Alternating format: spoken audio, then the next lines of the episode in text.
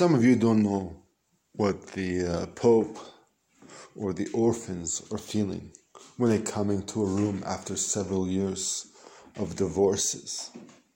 Could you imagine? Could you imagine what they are perceiving, what they are thinking about the previous history? The previous history of their lifespan is just unbelievable. When I think about a little Cristiano, imagine him. Imagine him, just imagine him.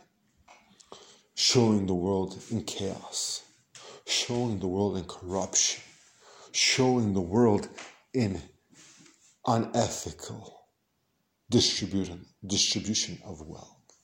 Just imagine. Just imagine. Just imagine Cristiano playing for whichever club in the world. Whichever club in the world.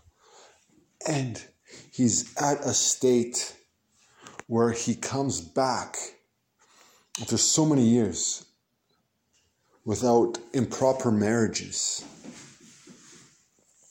And he's in a state remembering how it was before and after. Could you imagine?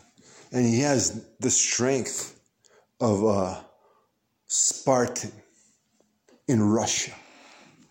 Could you imagine?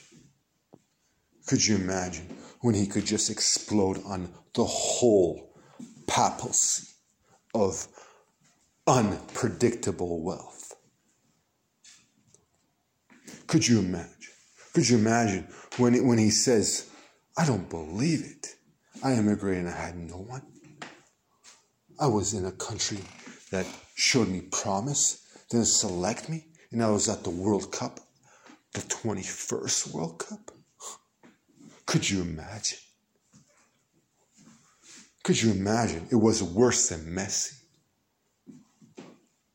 Could you imagine how unpredictable the organization would be in sickness and in health? What is the purpose now? We ask ourselves, what is the purpose? I want to go kick the ball in the snow.